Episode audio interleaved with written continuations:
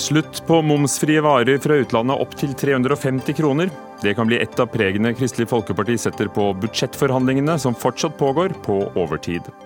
Og ikke nok med det, Frp får enda en nesestyver.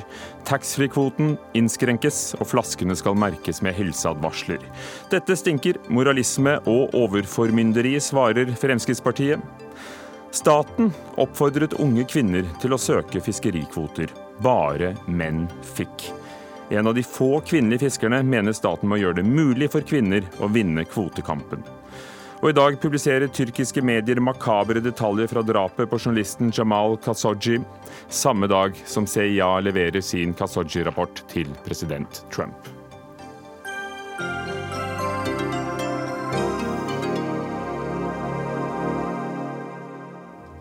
Vår korrespondent fra Istanbul følger Kasoji-saken også her i Dagsnytt 18 med Ugo Fermariello i dag. Velkommen. Og så til innspurten i budsjettforhandlingene på Stortinget. Kristelig Folkeparti og regjeringspartiene Høyre, Fremskrittspartiet og Venstre har forhandlet på overtid i hele dag, og det kan bli en avtale ganske snart, enten i kveld eller i morgen. Lars Nehru Sand, politisk kommentator her i NRK, du er med oss fra Stortinget. Nærmer det seg? Ja, det gjør det jo time for eh, time, men de fleste kildene i de fire partiene sier nå at det uh, virker litt mindre sannsynlighet at man rekker å få til et uh, gruppemøte i hver av stortingsgruppene i kveld. og Det betyr da at det kan drøye mot i morgen før vi får svaret på hva de fire partiene er blitt enige om av endringer i det budsjettforslaget som regjeringen la frem i oktober. Hva kan du si om hovedtrekkene i en mulig avtale? Er det noe, er det noe vi vet? Det vi vet er at Noe av det viktigste enkeltkravet for Kristelig Folkeparti har vært eh, barnetrygden, hvor man har fått til en økning som er eh, den første siden 1996, men på langt nær så stor som det Kristelig Folkeparti eh, selv ønsket. Rundt regna så vil en familie få 1000 kroner per barn per år i eh, økt eh, barnetrygd. Og det vil gis til familiene uavhengig av hvor stor inntekt eh, husstanden har. Eh, så vidt jeg forstår. Eh, så har regjeringspartiene brukt eh, mye tid de, de, siste døgnene på å komme Kristelig Folkeparti i møte. Det betyr at KrF nå ligger an til å få flytta på i rundt regna 4 milliarder kroner gjennom disse forhandlingene. Det kommer litt an på hvordan man regner, og regnestykket er spesielt viktig med tanke på bistandspolitikken, hvor Kristelig Folkeparti er lovt gjennomslag. Det de derimot ikke får får gjennomslag for, er å øke antallet kvoteflyktninger. Kristelig Folkeparti vil jo ha 1000 ekstra kvoteflyktninger, men eh, det har uh, sittet langt inne for Fremskrittspartiet å uh, svelge. så Derfor så har man funnet en annen løsning på det. En annen viktig ting har jo vært bilavgiftene for Kristelig Folkeparti. Også det rett i strupen på mye av det Fremskrittspartiet er opptatt av. Det ligger ikke an til noen utgiftsøkninger som rammer bilistene. Det regjeringen derimot har måttet godta, er å eh, endre skatteopplegget, eh, det som kalles trinnskatten, og som er noe av det Høyre er mer eh, opptatt av for sin profil, nær sagt. Der gjør regjeringen endringer for å finansiere mye av de, de endringene Kristelig Folkeparti ønsker. Det er snakk om da at det blir skattelette sammenlignet med det året vi er inne i nå, men mindre skattelette sammenlignet med det budsjettet budsjettforslaget de, to, eh, de tre unnskyld, regjeringspartiene foreslo eh, i eh, høst. Og så er det sånn at de fire partiene jobber fortsatt med skisser og avtaler og, og, prøver å regne på konsekvensene av mulige forslag. Men det som gjenstår nå, er mindre budsjettforslag, poster med, med mindre, hvor det flyttes på mindre penger og lavere beløp, da, slik at de store hovedlinjene i statsbudsjettet for neste år synes å være klare, og det derfor ikke er særlig dramatikk rundt forhandlingene forhandlingene, eh, men fortsatt eh, en del grovarbeid som eh, må gjøres før man kan sende dette til stortingsgruppene for en godkjenning, og da senere presentasjon, som da ventelig blir i morgen. Og så hører vi og, og, og ser at KrF-representantene forlater møterommet bak deg mens du har forklart oss hovedtrekkene her og hva vi vet. Men Men, hva blir den viktigste skal vi si, ideologiske, politiske fotavtrykket til KrF? Kristelig Folkeparti har vært veldig opptatt av eh, barna og, familie i eh, dette budsjettgjennomslaget. Også eh, miljø og, og, den internasjonale solidariteten. Men med den pakken der sagt, på de, de, kanskje tre viktigste kravene til Kristelig Folkeparti på barnetrygd, lærernorm og penger til barnehagenorm, altså flere personell både, for, både i skole og barnehage, har vært viktige krav for Kristelig Folkeparti. Det er jo ting det er lett for andre partier også å være for, men det er selve finansieringsmodellen med denne normen som har uh, vært konfliktfylt i, i, møterommet. Rett og slett fordi det binder opp penger til kommunene. og det er jo en kjent skillelinje i norsk politikk at noen partier vil gi kommunene mer penger ved å øremerke det, altså si at dette må dere bruke på gitte ting, mens andre mener at det er viktig å overlate også et økonomisk økonomisk handlingsrom til lokalpolitikerne rundt om i de ulike kommunene. Det som jo er felles for alle de fire partiene, er at de vet veldig godt at det er et lokalvalg i eh, landets kommuner som skal vinnes neste år.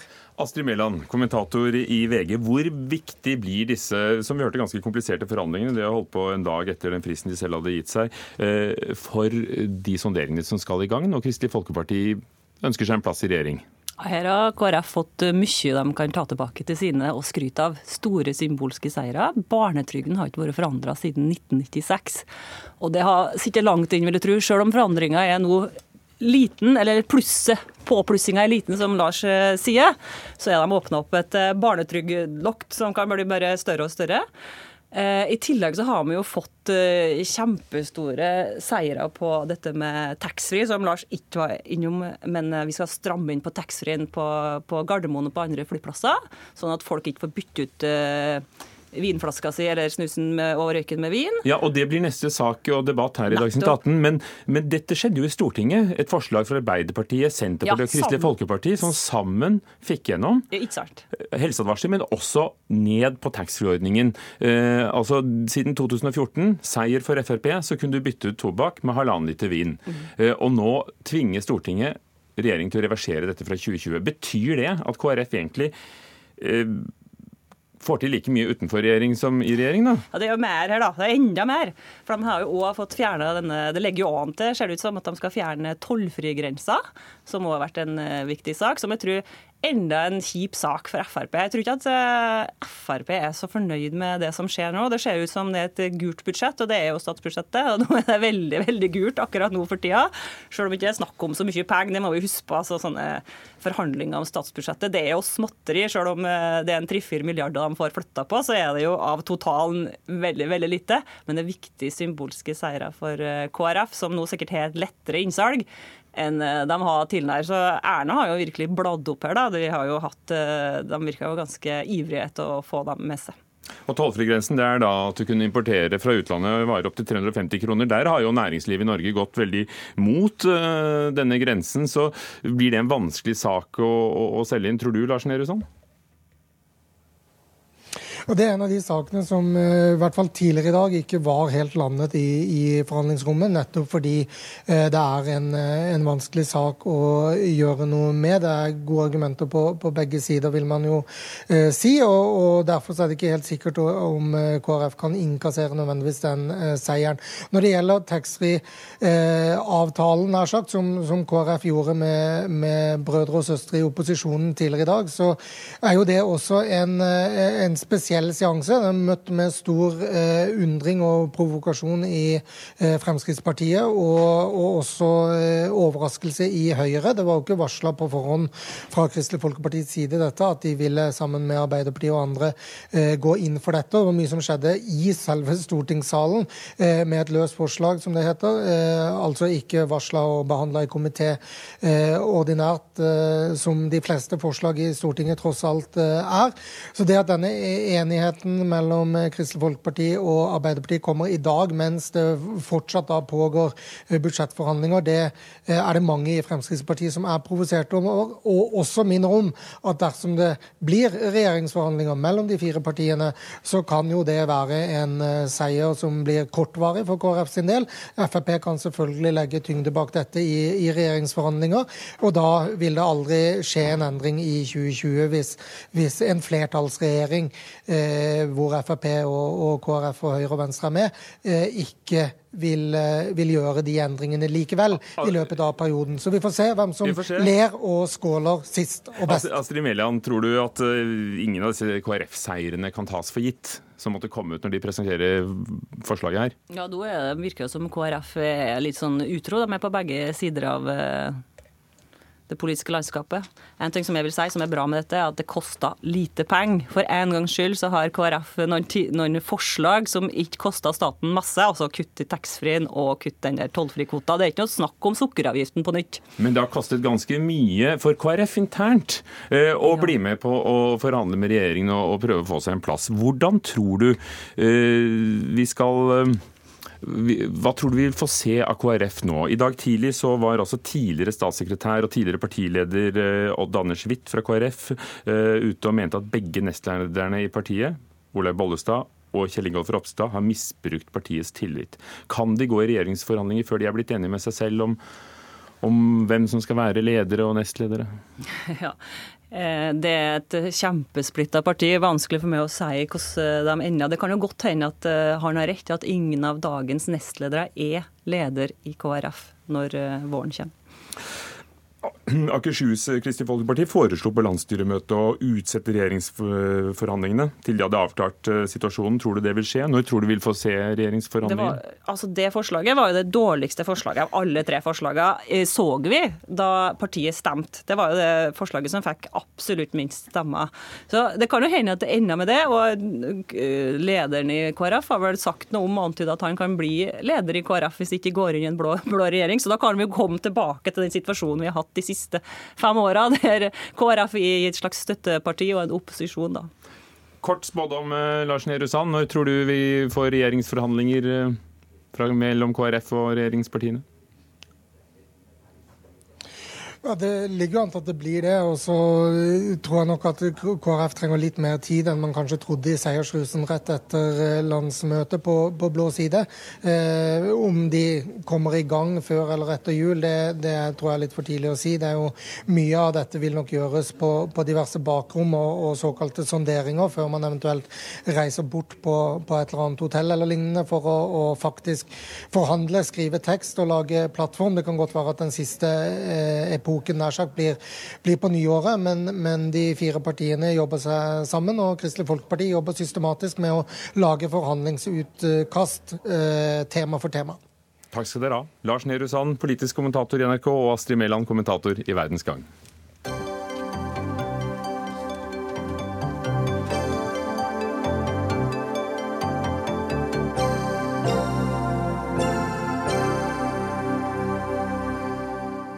Som vi hørte, i dag har Arbeiderpartiet, Kristelig Folkeparti og Senterpartiet fått igjennom viljen sin og strammet inn alkoholpolitikken, og, og stemt over et forslag for det som heter en offensiv og solidarisk alkoholpolitikk. Stortinget stemte over eh, at det skal merkes eh, på øl, vin og brennevin eh, med både advarsler og innhold, og også kommer muligheten til å bytte tobakk med alkohol når du handler på taxfree til å forsvinne fra 2020, i hvert fall i dette forslaget. Åshild Brun Gundersen, stortingsrepresentant fra Frp. Dette er jo ikke akkurat deres politikk. Hvordan er det å få, få dette tredd ned over hodet, nå som dere kanskje til og med skal forhandle med KrF om å sitte i regjering sammen? Jeg tror vi får ta et eh, steg av gangen, men det er i hvert fall ingen som skal være i tvil om at Fremskrittspartiet ikke ønsker å innskrenke taxfree-kvotene eller å sette nye helseadvarsler på alkoholenheter. Og Det som bekymrer meg veldig, er den linja venstresida nå har lagt seg på, en forbudslinje.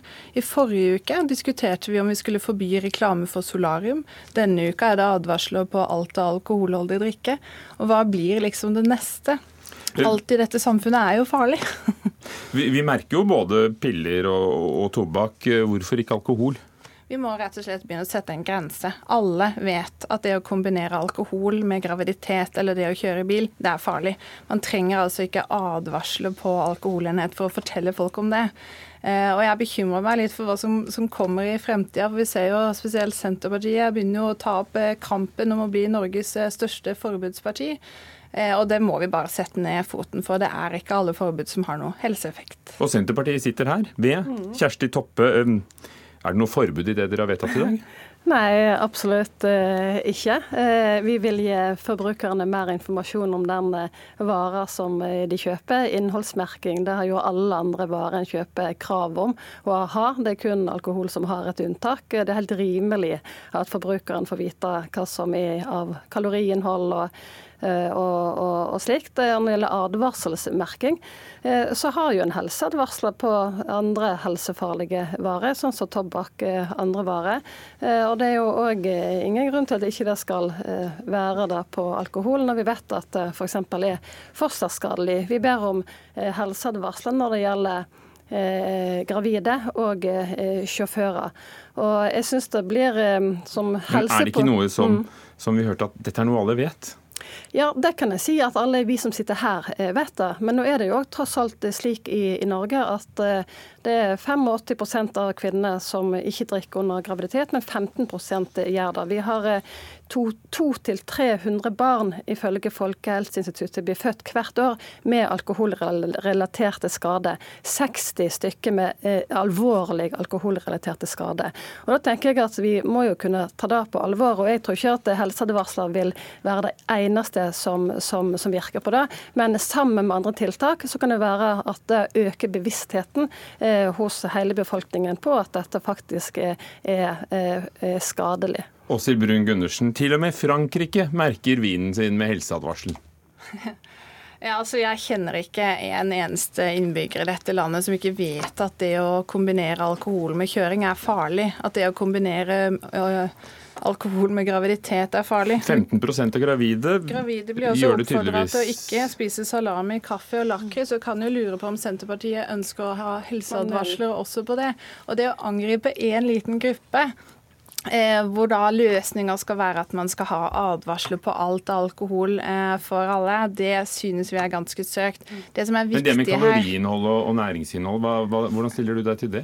Ja, Vi kan godt ha innholdsfortegnelse på eh, alkoholenheter, det tror jeg er greit. Å ha litt sånn forbrukerkunnskap. Og vi er opptatt av at eh, folk skal ha kunnskap om den maten de spiser. Men det er altså litt trist at når man snakker om eh, gravide som drikker alkohol, at man ikke ser mer på løsningene i svangerskapsomsorgen. For vi har landets beste svangerskapsomsorg. Eh, gravide får oppfølging på helsestasjoner og sånn. Jeg tror ikke den helseadvarselen på alkoholen vil gjøre at eh, de drikker mindre. Uh, nei, det, det, er jo eh, rart at eh, Frp syns det er greit å, å merke eh, vin med hvor mange kalorier det er, men det skal ikke det skal være et forbud forbud da, mot å eh, informere om at det faktisk kan være fosterskadelig. Eh, det er ganske spesielt. Og vi har mange, flere undersøkelser i Norge, bl.a. fra 2015 i regi av Aktis og Helsepolitisk barometer i 2016, som viser at det er flertall, stort flertall av befolkningen i Norge de ønsker, de ønsker velkommen helseadvarsler på eh, alkohol. Eh, så her er jo ikke Frp enig med folk flest. Tiden er overmoden for å merke disse eh, varene. Og både med innhold og med helseadvarsler. Du har ingen dokumentasjon på at det her har noen effekt. Det men Kjersti Toppe Det er ikke forbud. Det er jo ikke noe forbud. Det er ikke forbud. Og alvorlig forbud mot å selge alkohol uten helseadvarsler. Og Kjersti Toppe fra Senterpartiet har en lang historikk i å lage forbud. Eh, men altså når en sammenligner Kjersti en, Altså, når en sammenligner eh, merking eh, av alkohol eh, med at eh, en skulle òg da hatt merking av at salami er farlig for eh, gravide, da er det ganske useriøst. Men det er jo langt til det, det, dette er jo langt til det din regjering med Bent Høie spissen gikk inn for, nemlig å få uniforme, kjedelige eh, sigarettpakninger og snuspakninger. Ja, de plain packagene var iallfall bedre enn de svære helseadvarslene med lunge mange Vil du gått inn for det? For eh, grønne, kjedelige Nei, etiketter på vindflasken? Det er ingen vits å bruke masse tid og penger på å skape vedtak som ikke har noen helseeffekt. Men Brun Gundersen, det som vel er den største politiske nesestyveren, er vedtaket om at fra 2020 så skal det ikke lenger være mulig å bytte ut tobakk med 1,5 liter vin. F.eks når du krysser grensen, og tar med det fra taxfree-en eller på annen måte eh, skattefritt inn i landet. Det var jo noe dere presenterte som en seier og markerte dere med da, eh, da dere kom i regjering, og dette skjedde i 2014. Og så er det vedtatt skal bort fra 2020. Hvordan er, ja, Vil du være entusiastisk når dere skal implementere dette her? Nei, eh, og spørsmålet blir jo eh, hva skjer isteden? I dag så kan altså eh, reisende som ikke røyker, de kan veksle inn røykkvota si inn i to nye flasker vin. Og vi tror jo faktisk at det fører til større valgfrihet hos våre innbyggere, og vi synes det er bra. Fremskrittspartiet er varme forsvarere av at folk kan få lov å velge mer selv. Eh, og nå må folk eh, eh kjøpe mer tobakk, og jeg tror at det er mange som vil oppleve det presset. De må jo ikke kjøpe mer tobakk. Nei, men jeg tror mange vil miste den valgfriheten. Jeg synes det er synd. Eh, og jeg synes det er synd med den forbudslinja de sosialistiske partiene på Stortinget har lagt seg på. Men det er ikke bare de sosialistiske. Det er nemlig også Kristelig Folkeparti som har støttet dette forslaget. Olaug Bollestad sier til NRK at de kunne støtte det fordi Arbeiderpartiet gikk med på å skyve datoen for å innføre dette til 2020. Altså ikke fra 1.1 som kommer, men enda et år. Og disse menneskene vil i regjering med deg. Ja, hva gjør det med forhandlingsklimaet? Kristelig Folkeparti har støttet dette forslaget som du er så imot. Jeg tror alle vet at eh, Fremskrittspartiet og Kristelig Folkeparti står langt fra hverandre når det kommer til alkoholpolitikk. Vi er opptatt av å ivareta valgfriheten. Eh, vi tror faktisk litt tro på at folk klarer å bestemme selv og ta kloke beslutninger.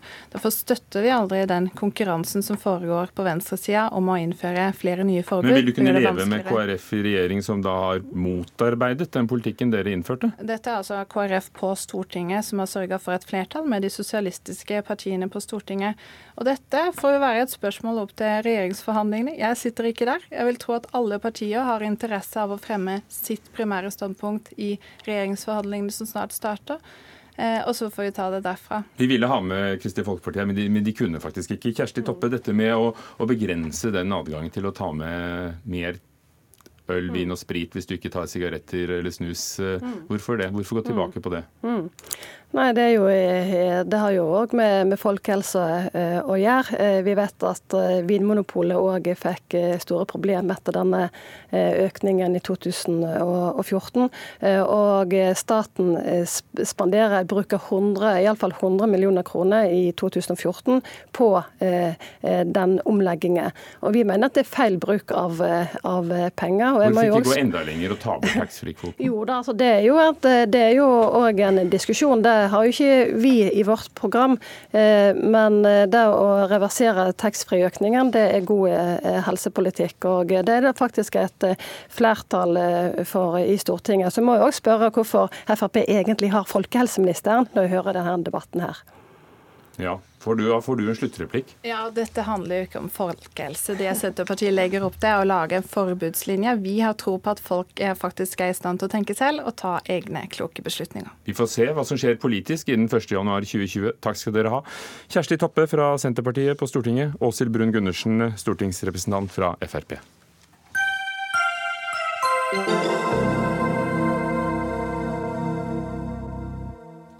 I dag har tyrkiske medier publisert deler av det mye omtalte lydopptaket fra da journalisten Jamal Khashoggi ble drept inne på det saudiarabiske konsulatet i Istanbul.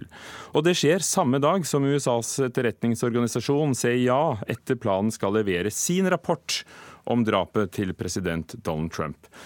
Korrespondent i Istanbul, Sissel Wold, du har fulgt denne saken fra den, eh, fra den, begynte som en forsvinningssak, og man ikke helt visste hva som hadde skjedd. Hva kommer frem i de opptakene som er blitt da transkribert? De er lekket, eh, og de står der i, i skrift? Ja, det er bl.a. Eh, Habertyrk, et regjeringsvennlig organ her, som har skrevet ut en del.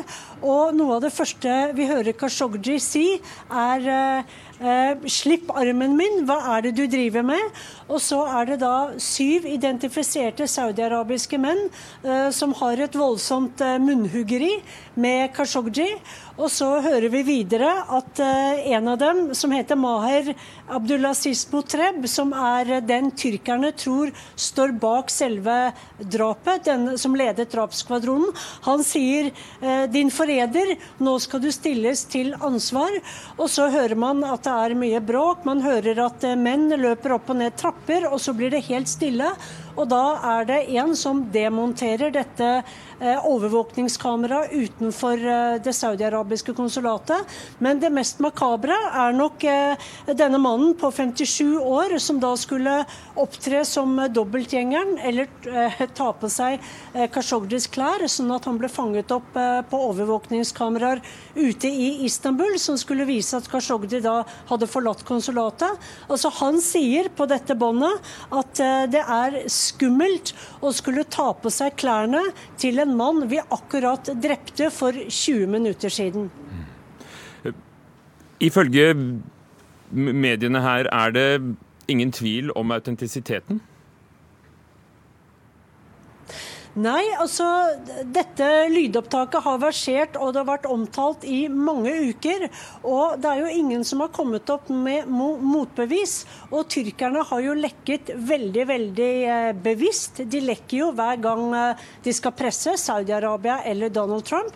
Det som også er eh, kjent fra dette lydopptaket, er at eh, denne Motreb, som da skulle stå bak dette, han ringte 19 ganger ut fra konsulatet. Og han ringte til Saud al-Qatani, som er en av eh, kronprins Mohammed bin Salmans aller nærmeste rådgivere. Så dette er da et, et bevis mener man, eh, på at det er Saudi-Arabias kronprins som har eh, arrangert, gikk ordre, som står bak dette drapet. Og akkurat nå er det jo ventet at CIA skal komme med sin rapport, og så kommer disse opptakene publisert eh, i dag. Er det tilfeldig? Neppe. Tilfeldig neppe. Nei, altså tyrkerne presser ikke bare Saudi-Arabia, fordi tyrkerne er rett og slett forbannet fordi Saudi-Arabia ikke vil fortelle dem hva som skjedde med liket, og ikke vil si hvem som ga ordren til å drepe Khashoggi, som jo var en venn, en bekjent av president Erdogan i Istanbul, i hjertet av Istanbul. Så de presser, men de presser også Donald Trump, som ikke vil eh, innrømme at eh, CIA har kommet frem til at det er kronprins eh, bin Salman som nok står bak beordringen av denne likvidasjonen. Det er det vi hører at CIA har kommet frem til. ABC News har en sak i dag hvor de har intervjuet en kilde i US State Department, det amerikanske utenriksdepartementet, som sier at det er helt opplysende. Altså det er klinkende klart at konklusjonen er at kronprins bin Salman står bak ordren til å likvidere Khashoggi. Og Dette har jo ført til en, en spennende utvikling i Saudi-Arabia, der det nå er krefter som er motstandere av at, at kronprins bin Salman skal overta som konge etter hvert. Ja, dette er jo ganske interessant. Og det er Reuters som har da intervjuet noen som eh, nok er noen anonyme, i den saudiske kongefamilien. Dette er jo et veldig lukket miljø. Eh, de sier at eh, de ikke ønsker at kronprins bin Salman skal bli den neste kongen. De sier at dette er noe de må ta affære med. Altså dette kan de ikke gjøre noe med så lenge kong sitter ved makten. Og det er også Ahmed eh, eh, bin Abdulaziz al-Saud som nå pekes ut som en mulig ny konge. Han er bror til dagens konge. Han tilhører denne veldig berømte eh, søskenflokken av syv brødre, The Sudairi Seven. De har samme mor. Og Ahmed al-Abdulaziz han er da Ibn bin Saud, altså Saudi-Arabias første konge. 31. sønn. Ibn Saud hadde jo mange barn, som vi vet. Så vi får se hvordan denne maktkampen utspiller seg. Bin Salman har jo en del fiender ettersom han satte mange prinser i fengsel. Riktignok Ritz-Carlsson. Ritz-Carlsson-hotellet. For en Ritz-Carlsson, ja, det er fengselet i Riyadh. De er nok veldig sinte fordi at han satte dem i fengsel der, og de fikk en ganske røff behandling, noen av dem. Takk skal du ha, Sissel Wold, som følger utviklingen fra Istanbul, der du er NRKs korrespondent.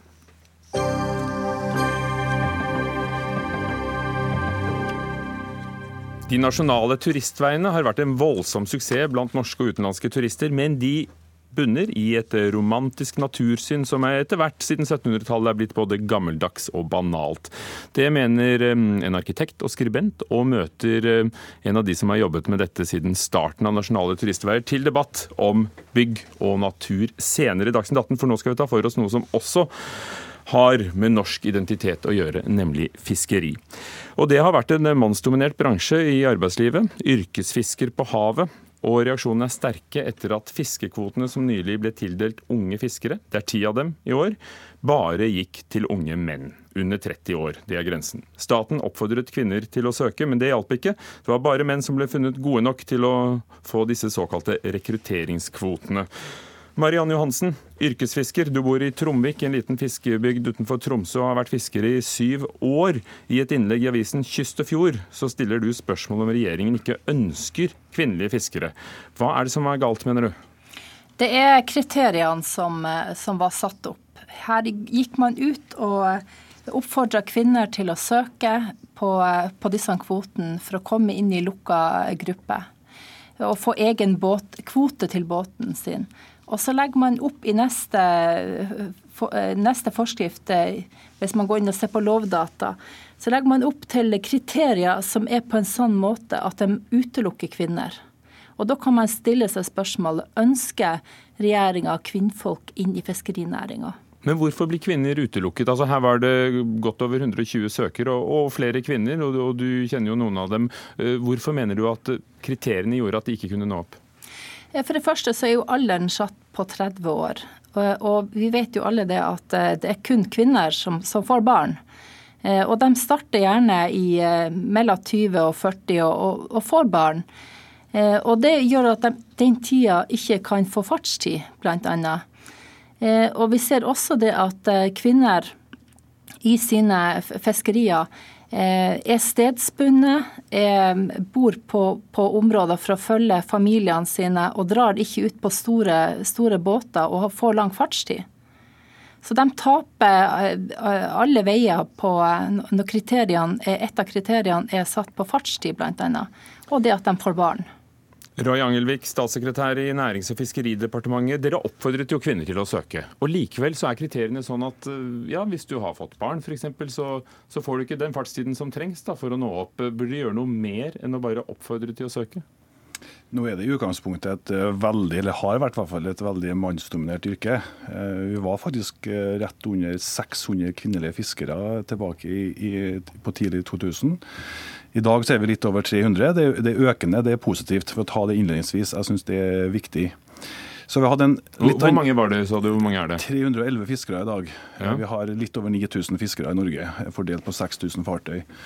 Eh, og så er det slik at, at uh, Tidligere i år så har vi hatt en liten runde på det som går på fødselspermisjon, nettopp retta mot kvinner. Jeg syns det er viktig å nevne det også i dag.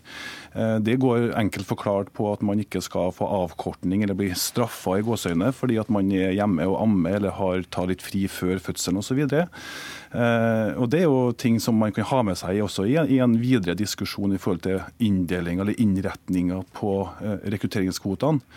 Uh, når det går på alder, for å ta litt sånn kort om det. 30 år, ja, i dag er det 30 år. Grensa må jo gå en plass. Eh, hvor lenge skal du på en måte få muligheten til å ha en rekrutteringsmulighet inn i et nytt yrke? Så har vi satt noen kriterier som går på for det her er viktig, så har vi satt noen kriterier som går på erfarenhet. Eh, du skal ut og prøve deg sammen med noen eh, gode fiskere fra starten av. Være med ut, få erfaring osv. Og, så og så sier man i tillegg, og det her er også en veldig viktig faktor, fordi vi sier det at for at du skal ha muligheten til å søke, så er du nødt til å ha eierskap til et eget fartøy over 50% For eksempel for at vi skal si at hvis jeg nå er en reder og har flere båter, så kan jeg ansette ungdommer inn mitt, eh, på, på, på, mitt fartøy.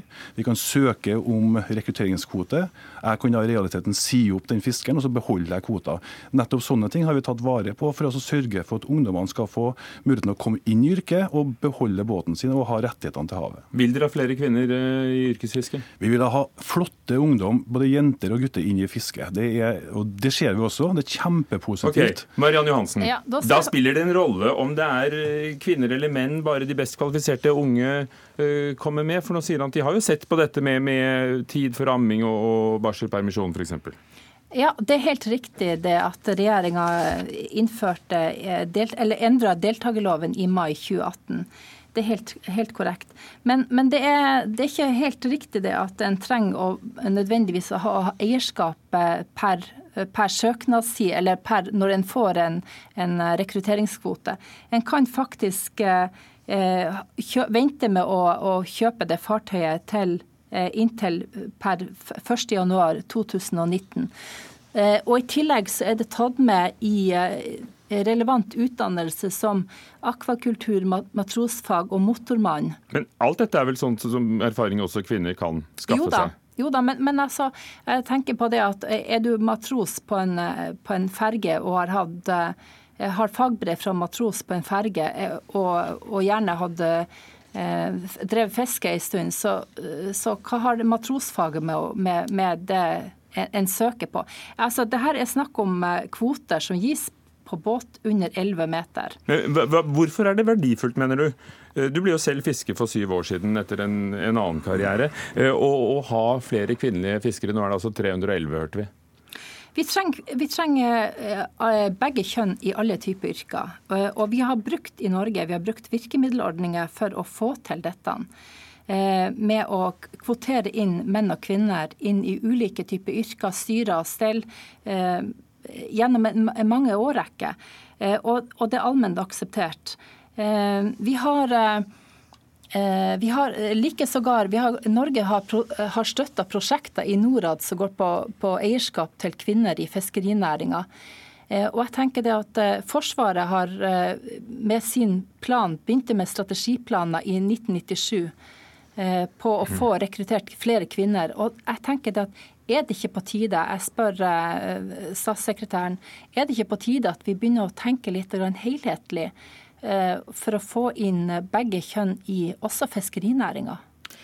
Det her er veldig sammensatt. Eh, det, men det var et ja-nei-spørsmål? Ja, men det får du ikke fra en politiker. vet du. Sånn er det. Men, men, altså, ja, din, men jeg spør din... direkte. Er det ikke på tide at vi begynner å ta grep om det, og får laga til noen helhetlige planer for å få begge kjønn inn i fiskerinæringa? Ja, hvis jeg kan skyte inn, hvis dere vil, så kan dere vel det. Fordi fiskeriminister Harald Tom Nesvik har jo mm. sagt eh, at han har beklaget at ingen kvinnelige søkere fikk kvotene. Så du er vel sikkert enig med sjefen din? Ja, vi er jo enige i at det har vært fantastisk å få enda flere kvinner inn ting. Eh, det er jo ikke å legge skjul på det. Det er jo noe vi har ønska hele tida. Du nevnte en, en ting, del ting dere hadde gjort. De har mhm. tydeligvis ikke virket. Kan dere gjøre mer og annet? Nei, det er helt feil, programleder, for det har virka. For vi ser at det er en økning siden 2013.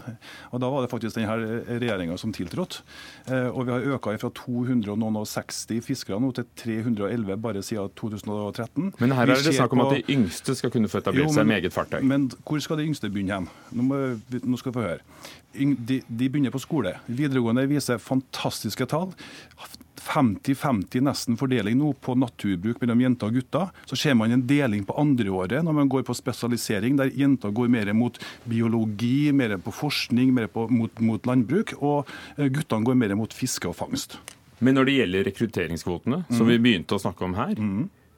Er det ting dere kan tenke dere å endre på, sånn at kvinner har større sjanse til å nå?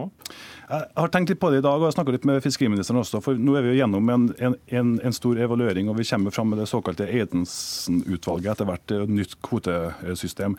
Og Man kan jo se på f.eks. en tanke å ha med seg det at at man ikke får avkortning. At man f.eks. hvis man er hjemme og har eh, fødselspermisjon, hjemme og ammer osv., at man ikke skal miste ansiennitet, f.eks., som gjør at man ikke kommer inn i den opptjeningstida som går de, de to første årene før man får tildelt kvoter. Øyner du et lite håp for å ikke være nesten eneste kvinne Marianne Johansen, når du står der ute i, i Tromvika? Eh, ikke, ikke enda. Ikke med de svarene som Angelvik eh, her kommer hvis, med. Marianne, da må vi stanse der. Eh, ja.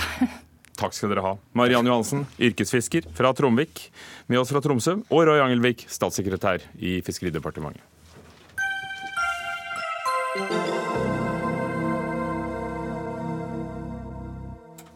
Det å varsle, og bruke varslingsinstituttet, som det blir kalt, altså arbeidstakerens rett til å si ifra til arbeidsgiver om forhold de mener er kritikkverdige, egner seg ikke i konflikter om arbeidsmiljø, og gjør bare at konflikter går fra vondt til verre.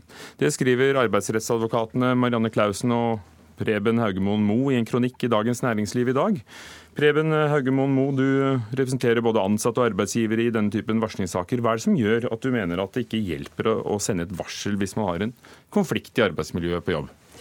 Eh, aller først vil jeg gjerne si at... Aller først vil jeg det rett foran mikrofonen. Aller først vil jeg da gjerne si at jeg mener at dette varslingsinstituttet er et godt institutt som vi trenger.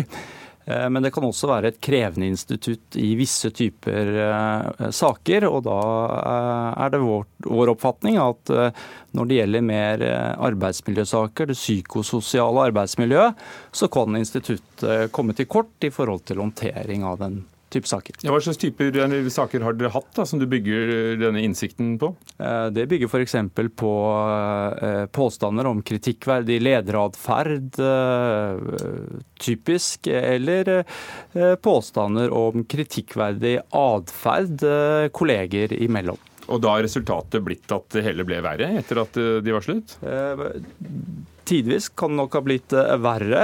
og det er jo også slik at eh, Flere av disse sakene som da undersøkes, eh, slik varslingsinstituttet krever at arbeidsgiver gjør, ender med at man ikke finner at det er sannsynliggjort at det har funnet sted kritikkverdig atferd. Likevel viser det seg at en leder eller en medarbeider må forlate arbeidsplassen. Ragnhild Lide, leder i arbeidstakerorganisasjonen Unio. Dere organiserer bl.a. mange lærere, sykepleiere, offentlige ansatte. Dere mener varsling kan være et godt alternativ i enkelte miljøkonflikter på arbeidsplassen. Når mener du at det egner seg? Altså, Vi syns at eh, varslingsinstituttet er viktig for å avdekke kritikkverdige forhold. Og Det gjelder også kritikkverdige forhold når det gjelder arbeidsmiljøet. Men selvsagt så er, vi enig i at det, det, viktigste er jo å prøve å løse eventuelle konflikter før.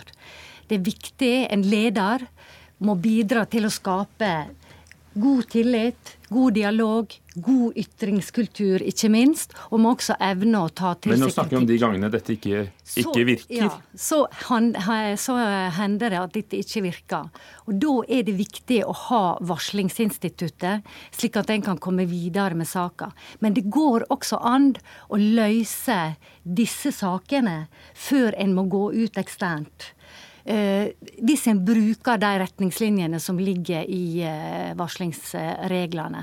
Men Mener du Mo, at eh, det hender det blir misbrukt av arbeidstakere, dette varslingsordningen og instituttet som det er blitt? Ja, først en liten kommentar til, til Unio her. Det er ikke nødvendigvis så enkelt for arbeidsgivere å ikke gå eksternt med en del av disse type sakene som gjelder varsling knyttet til arbeidsmiljø eller lederatferd.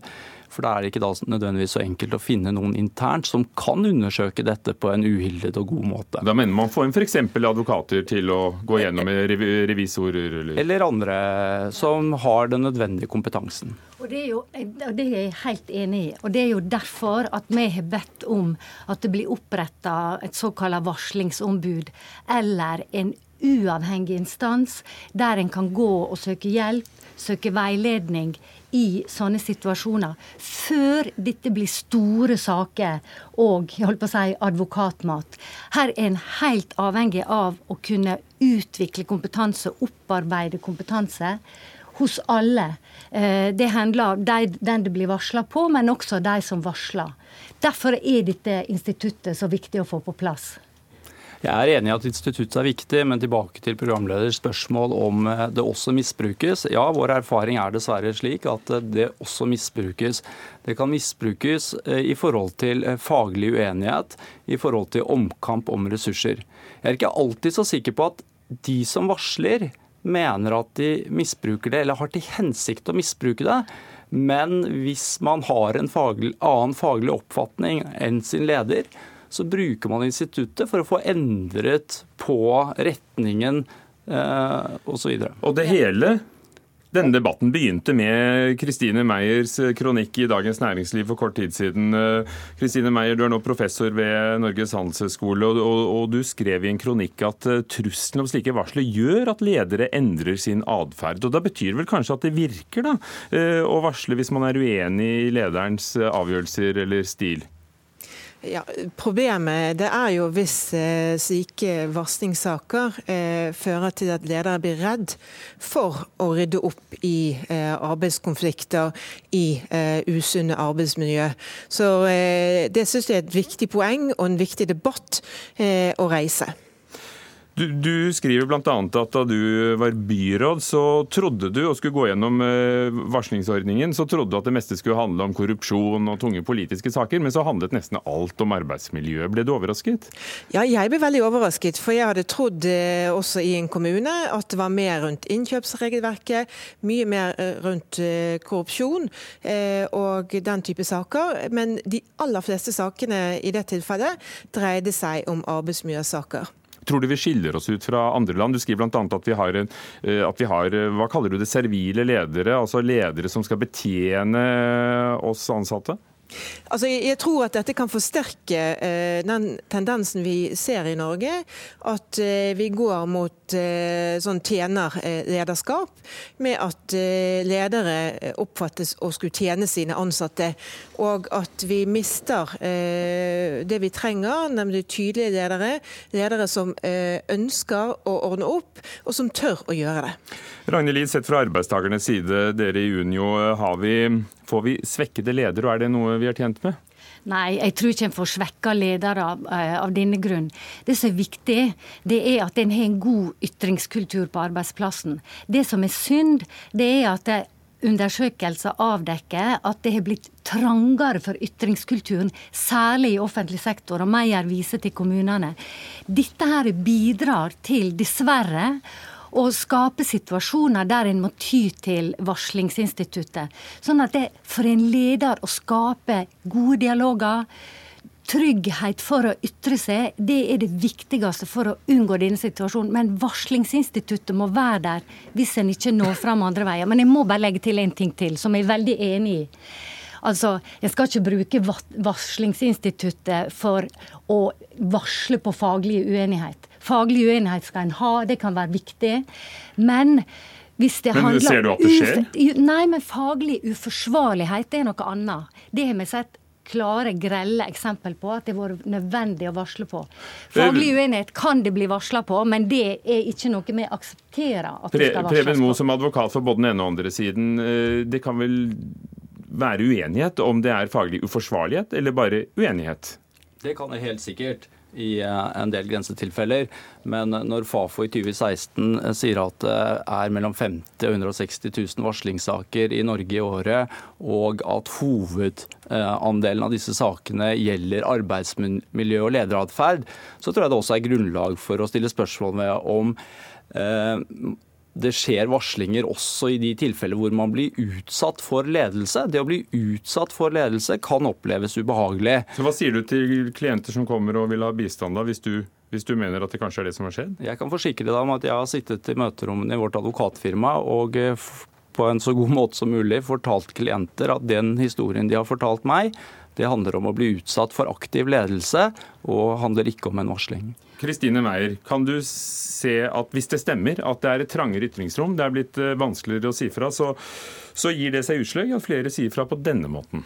Altså, jeg syns jo at vi heller skulle se på de tillitsvalgte og verneombudene og i mye større grad eh, gjøre de enda mer kompetent til å kunne håndtere denne type konflikter som oppstår på arbeidsplassen.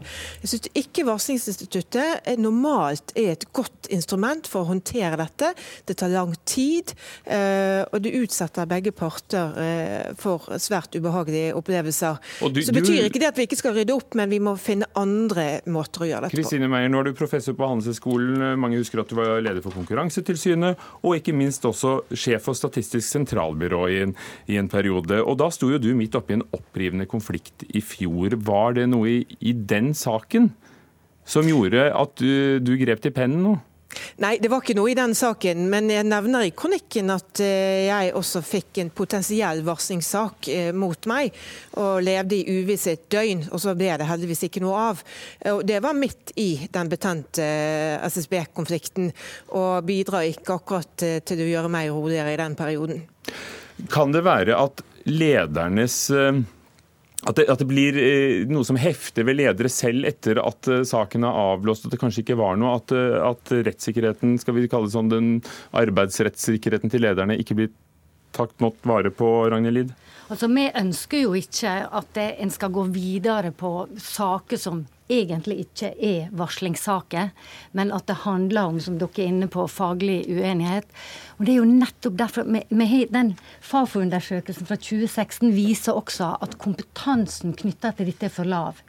Men, men, er dere, altså Å bli utsatt for ledelse, sa, sa Preben Moe, eh, kan oppfattes som, som, dårlig behandling. Men kan det være at også dere, da, medlemmene hos dere, eh, noen ganger må tenke at nei, ja, men nå, nå ble jeg utsatt for ledelse? Altså, det, absolutt, her, dette kan bli misbrukt, og vi har sett at det er, blir misbrukt. Vi skal ha så stor respekt for dette instituttet at vi skal også være villige til å se det. Det er derfor vi ønsker så sterkt å heve kompetansen, slik at vi kan være enige om når det skal brukes, og hvordan det skal brukes. Samtidig så kan ikke legge vekk at vi må ha ledere som bidrar til et godt arbeidsmiljø. Høyt under taket, god ytringskultur. Da slipper vi som regel å få denne type problemstillinger. Tror du du får færre saker i fanget etter hvert? Nei, jeg tror ikke det er sånn umiddelbart. Det jeg veldig gjerne da vil si, er at jeg har tro på det Unio sier. Eh, og så må det da følges opp med at eh, det må være takhøyde den andre veien, også fra arbeidstakerne og, for ledende. Blir du utsatt for programledelse? Takk skal dere ha. Preben Haugmoen Moe, eh, advokat som har skrevet kronikk i Dagens Næringsliv. Kristine B. Meyer, professor ved NHH, og Ragnhild Lid fra Unio.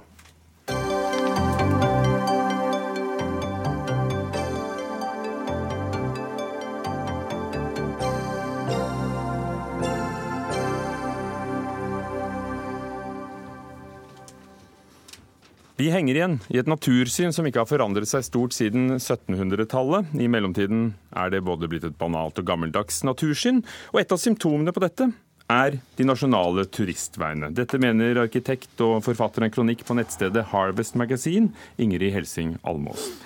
De nasjonale turistveiene bare for å ha sagt det, er altså 18 spesielt utvalgte strekninger av Vegvesenet, over 2000 km og mer skal det bli, der Vegvesenet har tegnet og bygd utsiktspunkter, toaletter, veier inn i naturen. og Vi snakker om kjente veistrekninger som Atlanterhavsveien, Trollstigen, men også veier på Aulandsfjellet, Andøya, Senja, over Sognefjell, med flere. Ingrid, Ingrid Helsing Almås, seniorrådgiver ved Doga og forfatter av denne kronikken. Hva var det du ville fortelle?